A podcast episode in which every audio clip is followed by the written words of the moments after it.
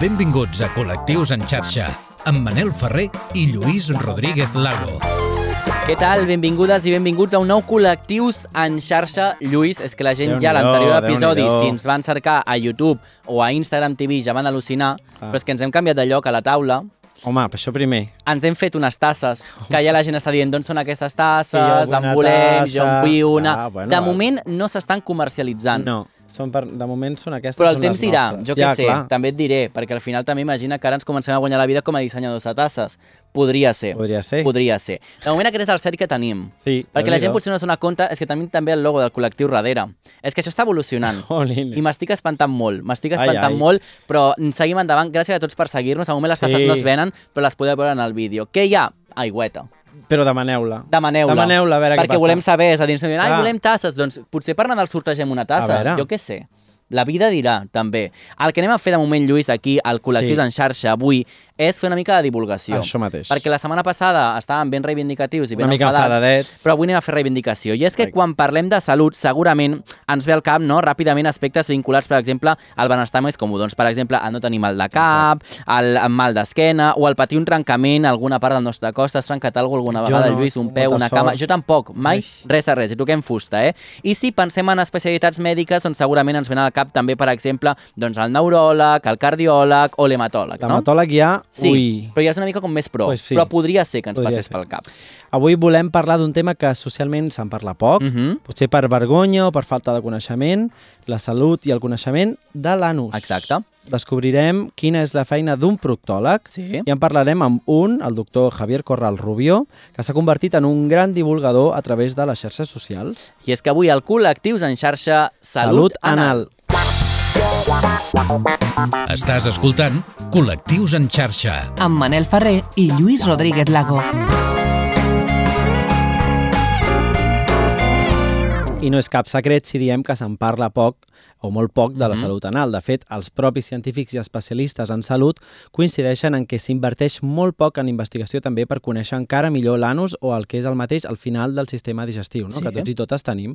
Això, sens dubte, sumat també al tabú social vinculat al sexe anal, que és un gran im- impediment per estar ben informats i gaudir d'un sexe saludable i higiènic. Exacte, malgrat que en aquest eh, segle comptem amb mitjans de comunicació de tot tipus, per exemple, internet, la televisió, els diaris, xarxes socials, els podcasts, encara costa trobar espais on es parli de la salut anal sent encara un dels tabús que arrosseguem eh, dècades, de dècades passades. Aquest tabú és tal que, exceptuant els metges proctòlegs, encara costa que els doctors realitzin observacions directes de l'anus, eh, fet que impedeix que un pacient que es fa una revisió general pugui ser alertat ràpidament del que alguna cosa potser no va del tot bé, no? Exacte. El prejudici social, cultural i fins i tot religiós determina un gran buit de coneixement de la sexualitat anal, fins i tot ocultació de dolències que no es manifesten els especialistes per aquella por a Mhm. què diran. No? Tot plegat desemboca en pronòstics que poden arri- arribar tard i que d'haver-se tractat en el moment de ser manifestats podrien haver gaudit d'una millor eh, i molt eh, d'una millora molt més ràpida i amb més garanties. Mhm. És que la gent no ho diu, sembla, Lluís. Quan Sí. tenen algun tipus de dolència, doncs s'ho guarden per vergonya, lògic, lògicament, però és que al final els metges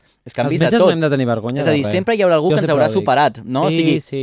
anem d'anar al metge sense metge ningú sense tipus de, cap- ah, de exacte. vergonya. De fet, eh, Lluís, eh, qui ens estigui escoltant potser pensa que això de la salut anal no li toca de prop, no? I estem equivocats perquè de ben segur tothom en algun moment ha experimentat, doncs, per exemple, una hemorroides, una fissura anal o fins i tot alguna malaltia de transmissió sexual. Recordem que tant les hemorroides com les fissures anals no estan vinculades directament només amb una relació sexual. De fet, eh, és d'especial importància que ens adrecem al metge sempre que experimentem dolor o sang i que amb una simple revisió poden acabar-se evitant fins i tot, atenció, al 85% de problemes greus, com per exemple doncs un càncer. Uh -huh. Curiosament, malgrat el tabú que existeix socialment, cada cop més són habituals les relacions anals en dones joves i heterosexuals. Malgrat que persisteix l'estigma que indica que el sexe anal és només una pràctica homosexual entre homes. De fet, algunes dones prefereixen el sexe anal per evitar un embaràs, tenir més plaer, preservar la, di- la virginitat i també per al·ludir al període de menstruació. De la menstruació. I des de ja, Lluís, hem de dir que si bé és cert que pot eh, tenir un seguit de beneficis al sexe anal, també hi ha altres perills que hem de tenir presents i que més tard detallarem. Tenint en compte, com deies, que cada cop hi ha més dones que tenen relacions anals, existeixen dades que asseguren, atenció, que les dones realitzen 7 vegades més que els homes homosexuals relacions anals de risc, és a dir, sense cap tipus de protecció. En canvi, els que més utilitzen el preservatiu per a aquesta pràctica són els homes que tenen sexes amb altres homes, seguit de les treballadores sexuals i, finalment, les persones que tenen múltiples parelles o relacions no estables. És important que diguem que el sexe anal sense preservatiu i sense lubricació té un risc major de 10 a 20 vegades més que una relació vaginal normal per transmetre, per exemple, l'UVIH Sí. o el virus del papiloma humà i altres infeccions de transmissió sexual degut a la fragilitat del teixit anal. Perquè els pols oposats també s'atreuen, escolta col·lectius en xarxa. De fet, actualment les persones que reben una penetració anal són les persones més receptives a contraure el VIH sempre i quan, sempre i quan no es faci servir mètodes que ho impedeixin. A més a més, us hem de dir que el preservatiu segueix sent el mètode més segur i recomanat per prevenir el VIH i altres malalties que es poden contraure també a través del sexe anal. La sífilis, l'hepatitis, la gonorrea o l'herpes simple són altres de les malalties que acostumen a arribar al nostre cos a través de l'anus. Mm -hmm. Un cop hem parlat del preservatiu, hem de dir que en alguns països, però no en tots, existeix un fàrmac profilàctic anomenat PrEP, del Sí. que en parlarem més Sí. endavant, que evita la transmissió del VIH si es, pres, eh, si es pren just abans i després de la relació sexual. Aquest fàrmac és un gran recurs a tenir en compte en un moment on estan apareixent un moviment d'homes que tenen sexe amb altres homes que cada cop aposten més per mantenir relacions sexuals sense preservatiu. I en les pràctiques de sexe anal és importantíssim també l'ús de lubricants perquè mentre eh, la vagina sí que compta amb una lubricació pròpia, l'anus s'ha de lubricar amb aquests productes que s'han de saber escollir a consciència. Mhm. Lluís, saps que hi ha tot un ventall diferent de lubricants? Home, ho hem après o ho Ho, aprendrem ho estem ara, aprenent. Si no. De fet, els lubricants amb solucions aquoses són eh, de consistència molt lleugera i són els més naturals perquè estan elaborats amb aigua. Eh, per aquest motiu, la pell els absorbeix amb molta facilitat i es consideren molt més aptes per relacions sexuals. També existeixen amb efecte retardat i per practicar sexe oral, doncs algun d'ells tenen també, Lluís, sabors a fruites Fruites. o fins i tot dolços. Què me dices? Sabors, sí, sí, sí, nube d'algodón, uh, un sabor a xupa-xup, sí, sí, sí, sí, meva. sí, sí. Existeixen també els lubricants de silicona, aquests tenen una composició molt més densa i no s'absorbeixen amb la mateixa facilitat. D'aquests hem de tenir en compte que no són compatibles amb joguines sexuals que siguin d'aquest mateix material. Clar, de silicona. Per últim, trobem també els lubricants amb bases olioses, aquests són de lenta evaporació i es fan servir per massatges i per la masturbació, però no es recomanen tant per mantenir relacions sexuals amb preservatiu perquè poden arribar a fer-lo malbé. Mm -hmm. Doncs dit això, Lluís, avui, com dèiem, volíem uh, incidir en la importància de realitzar-nos revisions anals periòdiques de la mateixa manera que ens fem, per exemple, doncs, analítiques de sang cada cert temps, ens revisem la vista o visitem el metge de capçalera. De fet, fora de micro parlàvem també el dermatòleg. Clar, doncs igual que altre anem que i programem una visita doncs, anual, doncs en aquest cas també. I en aquest cas, qui és l'especialista que s'encarrega de controlar la nostra salut anal, Lluís? Doncs el metge especialista eh, en la salut anal es diu proctòleg Sí. i és el professional o la professional que s'ocupa de diagnosticar i tractar a través de la medicina i també quirúrgicament les malalties anals i perianals que puguem patir. De fet, es recomana que sobretot a partir dels 40 anys la, la població que es realitzi, eh, a la Mhm. població no? que es realitzi una revisió anal amb el seu metge proctòleg, però cal fer-ho abans si practiquem aquest tipus de sexe.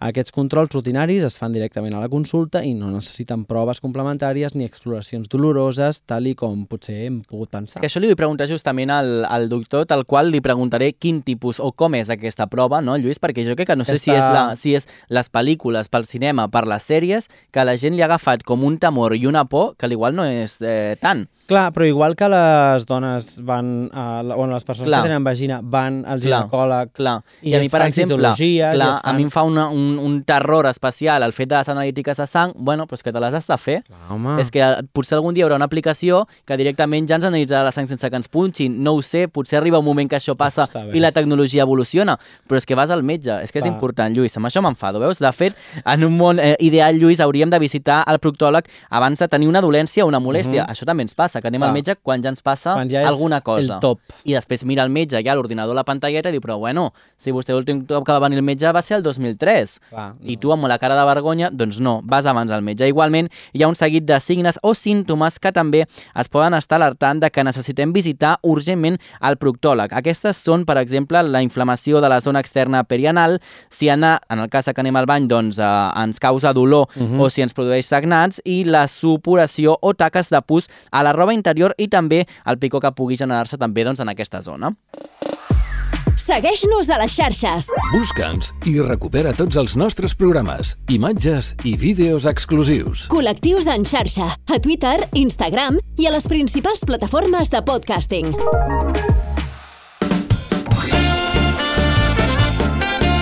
I nosaltres, Lluís, eh, hem posat a pràctica els coneixements que hem trobat, la informació que hem Exacte. trobat, bàsicament, però en el programa d'avui, com sempre, doncs volíem comptar amb un expert en la matèria, el cirurgià proctòleg, el doctor Javier Corral Rubio, i que a més a diari fa divulgació de la salut eh, anal a través del seu compte d'Instagram. Allà Manel publica vídeos parlant de la importància d'explorar-se, trencant tabús i desmentint mites que compliquen molt la feina vinculada a la salut de l'anus. Bienvenido, doctor Corral. Hola, ¿qué tal? ¿Qué Gracias tal? por acompañarnos. Le hemos explicado un poco nosotros cómo hemos pedido, pero cuéntanos un poco eh, cuál es tu trabajo.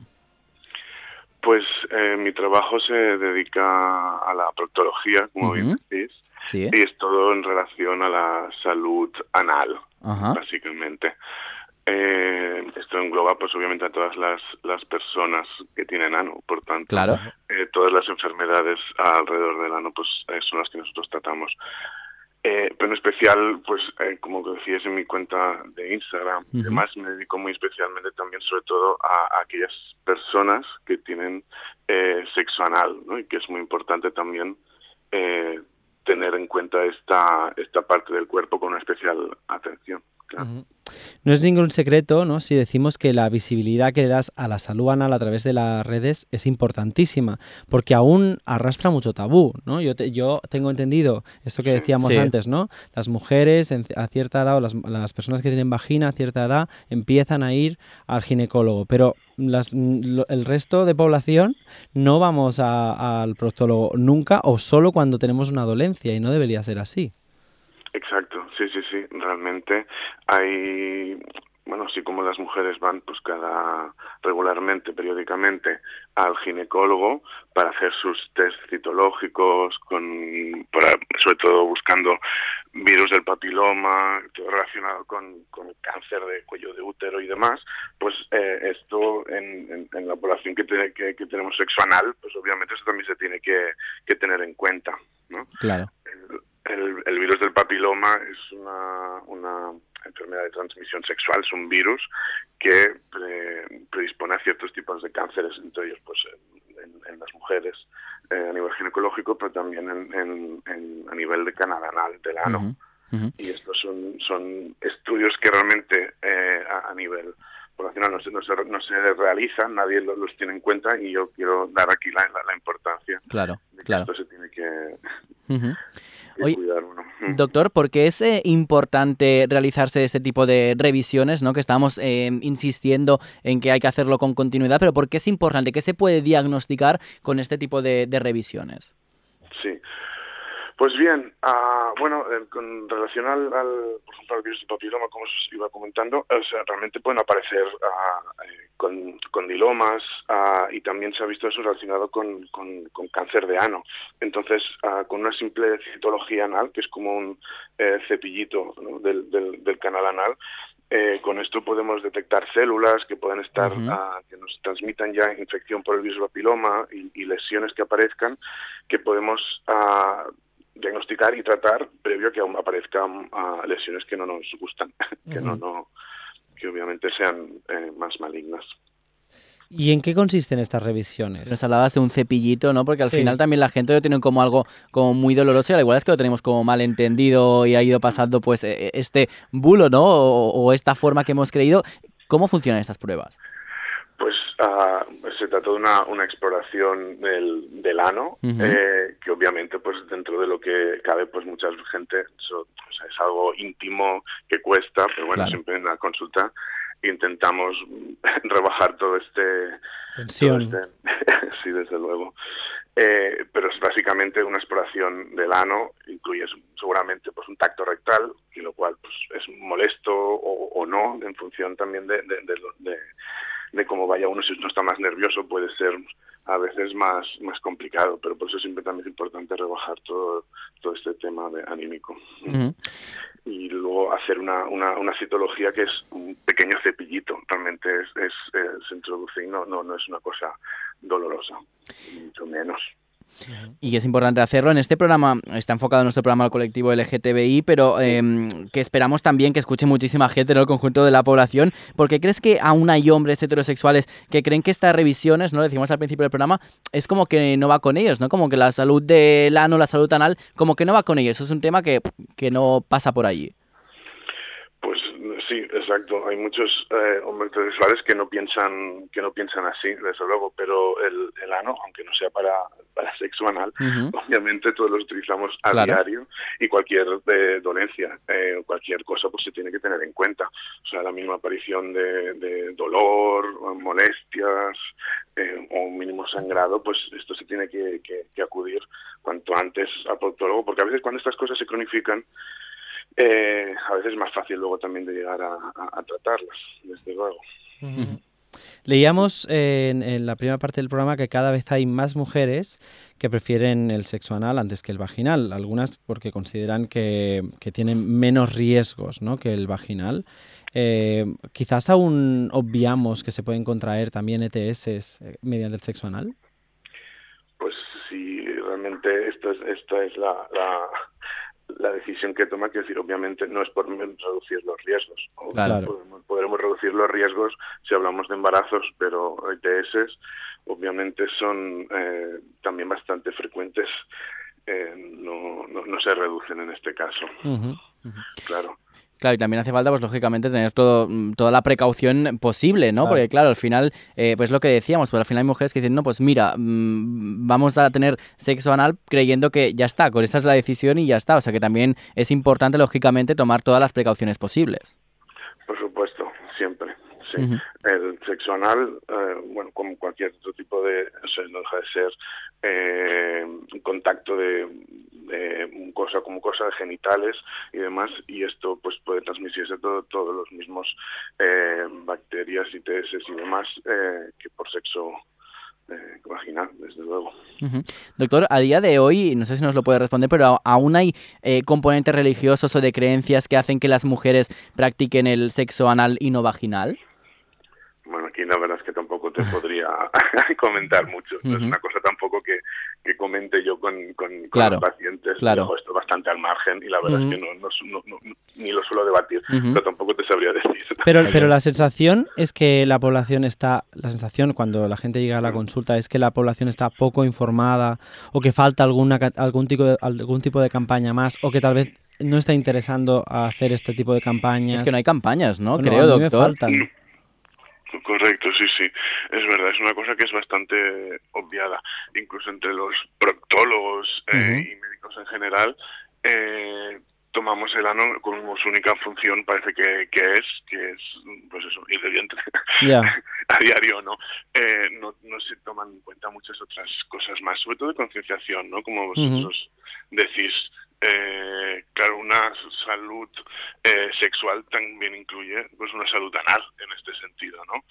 Y es importante saber eh, qué se puede hacer, qué no se puede hacer, cómo tratar a un paciente con unas simples hemorroides o fisuras o cualquier cosa si además pr- practica sexo anal. Claro, a veces los, los tratamientos pueden diferir, pueden ser algo Claro. diferentes y esto se ha de tener en cuenta. Y por desgracia, pues a veces no todos los profesionales tampoco lo, lo- lo tienen en cuenta. Pero la sensación es que, em, por ejemplo, en, entre mi grupo de amigos, por ejemplo, que mm, la- muchos son homosexuales, No tampoco lo estamos descubriendo hoy, pero... No, no lo estamos descubriendo hoy. Pero tampoco hay una concienciación. Es- decir, ent- podría entender.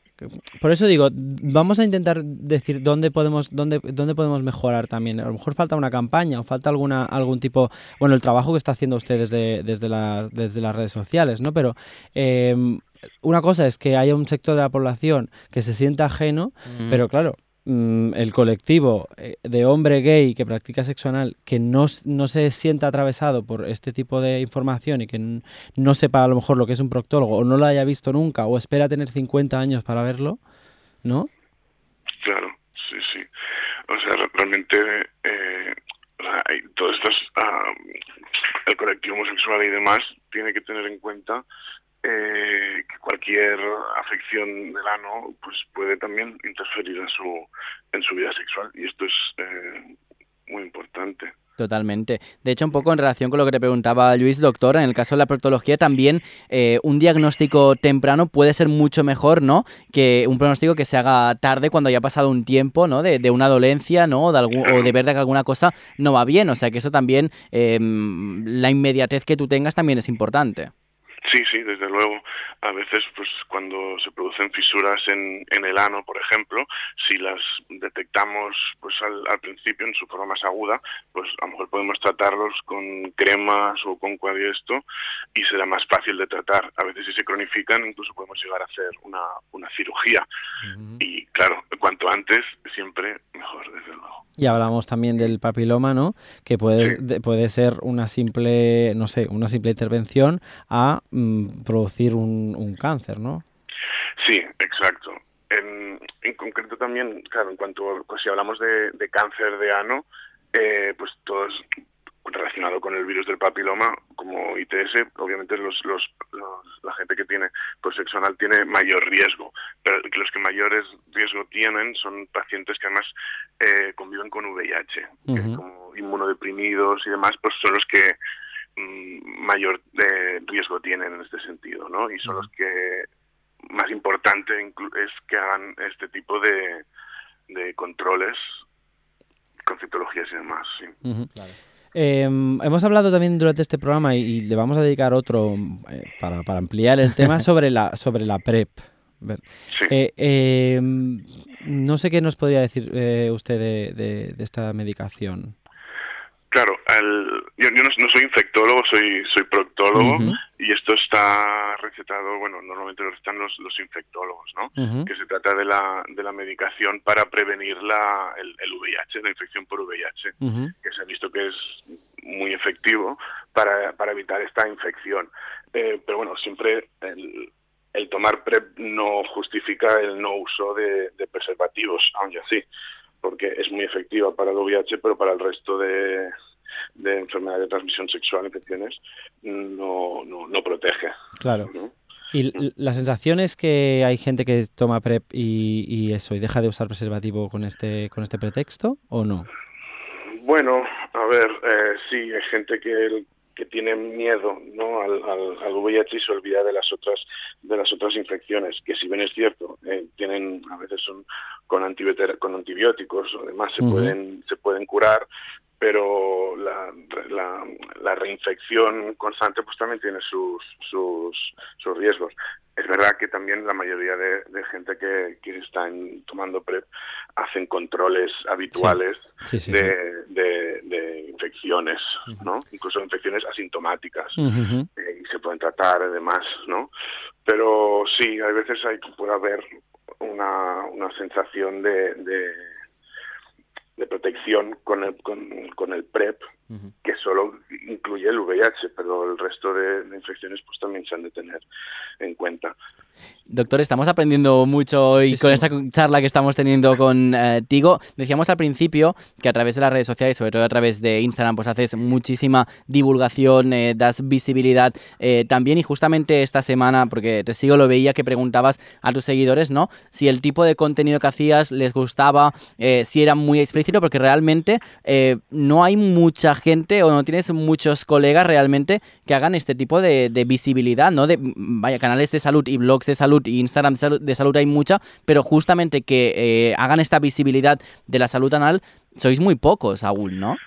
Pues sí, la verdad es que no, no he conseguido encontrar tampoco a nadie más que, hable desde el mismo punto de vista que lo, que lo hago yo. ¿Y qué feedback tienes, doctor? ¿Qué te dice la gente o qué te escribe la gente? Pues es, es, es curioso porque cuando empecé con esto de, de, de- de Instagram, la verdad es que no tenía mucha, no, no mucha fe, pero me, me, me costaba, ¿no? Pero realmente cuando empiezas a ver que la gente te escribe por privado, porque aún ya así es mucho por privado, porque la Mm. gente aún no se atreve a, a preguntar eh, ciertas cosas, pues cuando te, te demuestran ese cariño y te lo agradecen y, y esto te da, la verdad es que te da fuerzas y te da ganas a, a- a continuar, viendo que realmente se está haciendo un, un bien, ¿no? Que, que- que lo que hacemos tiene utilidad. Y eso realmente pues a- anima bastante, o sea que el, feed- el feedback eso realmente es bueno y no, no en, un, en un inicio quizás no me lo esperaba que fuera tanto y bueno, esto siempre ayuda.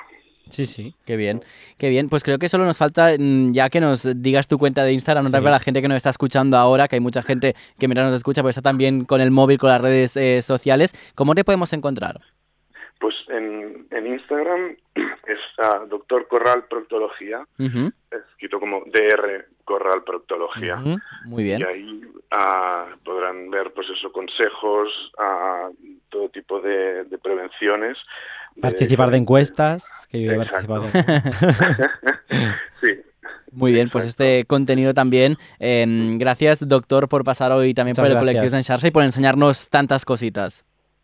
Pues muchas gracias a vosotros. Gràcies, hasta la pròxima. Lluís, carai, hem après Uf, també avui, eh? És que, déu nhi hem dit mm, programa de divulgació, jo crec que sí. Eh, Hem après Hem après moltíssim. moltíssim. És que estava pensant al meu cap, mira el que et diré ara una cosa, el meu cap estava reflexionant mentre parlàvem amb el doctor Corral, perquè clar, fixa't, hi ha molta gent que um, són prescriptors o són divulgadors a través de les xarxes socials de 40.000 coses, Mhm. de l'esport, de la vida sana, del tal, tal, tal, tal, tal, tal.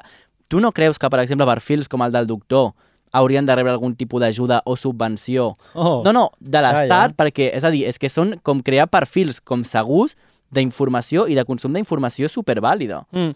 Jo per això li preguntava si...